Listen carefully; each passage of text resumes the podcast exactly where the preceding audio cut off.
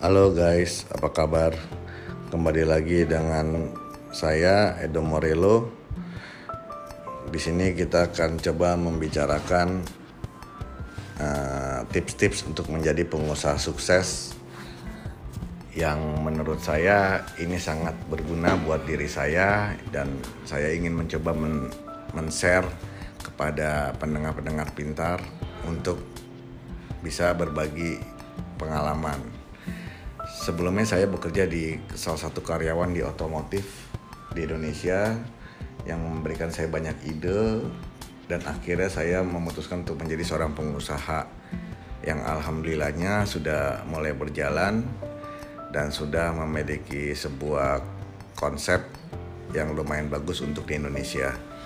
Tapi di sini di episode ini kita tidak membicarakan usaha saya akan bergerak di bidang apa atau bagaimana cara membuat usaha saya tidak, tapi saya ingin lebih ke individunya yaitu bagaimana saya bisa menjalankan sebuah usaha karena saya mengikuti tips-tips yang memang saya menjadi prinsip hidup saya sebagai pengusaha.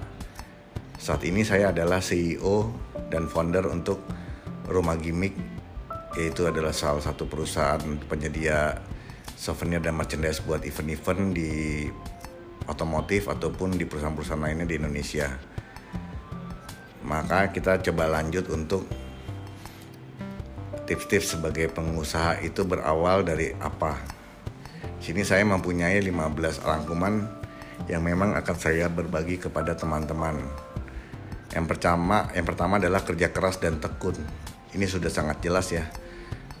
Landasan seorang pengusaha harus adalah niat untuk bekerja keras karena tidak ada usaha yang sangat mudah dan tidak membutuhkan keringat. Semua pasti membutuhkan keringat.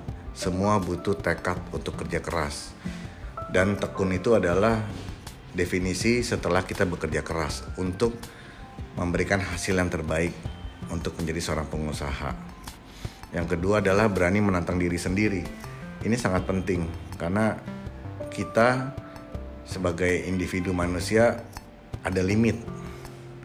Tapi yang limit yang teman-teman punya, yang kita punya itu adalah bukan maksimal. Jadi kita harus berani men-challenge diri kita untuk ber, berbuat lebih lagi. Apa yang udah pernah kita lakukan misalnya dalam skala 1 sampai 10 kita melakukan 9, kita harus melakukan 10. Bagaimana caranya kita akan berjalan itu sambil berjalan usaha kita. Yang ketiga adalah lakukan dengan passion. Penting banget usaha itu adalah pertama adalah tertarik dulu. Kita harus memilih bidang usaha yang memang kita cintai, kita sukai dan kita kuasain. Itu sangat penting karena setelah itu terjadi kita bisa melakukannya dengan senang hati, dengan happy. Otomatis kita bisa fokus dan serius. Yang keempat adalah berani mengambil resiko. Semua pengusaha harus berani mengambil risiko baik buruknya kita harus berani ambil tapi dengan manajemen resiko yang terukur. Apa pun itu kita harus berani mengambil kekurangan atau keadaan yang tidak bagus buat kita tapi kita membuatnya menjadi lebih baik. Itu penting sebagai seorang pengusaha untuk berani ngambil resiko. Yang berikutnya adalah percaya diri. Pengusaha yang hebat pasti percaya diri. Apabila kita belum hebat kita tetap harus percaya diri karena kita sudah hebat kalau kita sudah memulai sesuatu hal. Jadi kita harus lebih percaya diri kita tuh mampu berqualified dan kita tidak berbuat jahat kepada orang. Kita niatnya adalah menjadi pengusaha yang baik tapi juga berkembang. Kita harus percaya diri. Terusnya berikutnya adalah kurangi rasa takut. Apa pun yang dilakukan setiap kita jalan keluar dari rumah pun sudah ada resiko. Apalagi berusaha. Tapi setelah kita dibekali oleh manajemen resiko itu sendiri, kita bisa meminimalis resiko yang akan terjadi pengusaha harus berani mengurangi rasa takut dalam resiko. Karena apa? Karena bisa jadi resiko itu adalah tambang emas buat kita. Yang berikutnya adalah visualisasikan keinginan kita. Apa pun yang kita ingin plan, kita strategi apa, rencana kita apa, kita harus bisa memvisualisasikan agar semua urutan plan itu bisa berjalan dengan baik. Dan kita juga bisa men-sharing ke, ke direksi kita atau manajemen kita untuk ikut mengambil andil dalam visualisasi plan kita. Jadi seorang pengusaha itu harus mem bisa memvisualisasikan. Misalnya kita ingin target naik 10%. Nah, itu kita harus bisa visualis visualisasikan yaitu strateginya departemen-departemen apa aja yang kan yang berikutan kepada target kita itu harus bisa divisualisasikan. Berikutnya adalah Anda memerlukan rekan. Sudah pasti manusia tidak bisa melakukan hal apa pun semuanya sendiri. Kita butuh tim, kita butuh rekan yang memang sudah terpercaya, reliable dan memang kita bisa berjalan bersama sesuai dengan visi dan misi perusahaan. Dengan adanya rekan kita bisa coverage kita bisa lebih besar dan kita bisa lebih sukses. Yang berikutnya adalah cepat bertindak setelah kita banyak rencana, kita banyak plan, kita banyak strategi untuk memajukan perusahaan kita sebagai pengusaha terus berani mengambil keputusan untuk cepat bertindak. Karena ya balik lagi, usaha itu adalah waktu. Dan waktu adalah uang.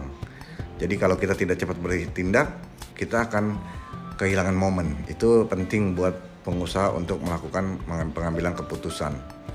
Yang berikutnya adalah merencanakan keuangan kita setiap usaha ataupun berdagang ataupun diri perlu namanya perencanaan keuangan. Kenapa sih? Karena percuma uang kita banyak kalau kita tidak punya manajemen kita akan habis.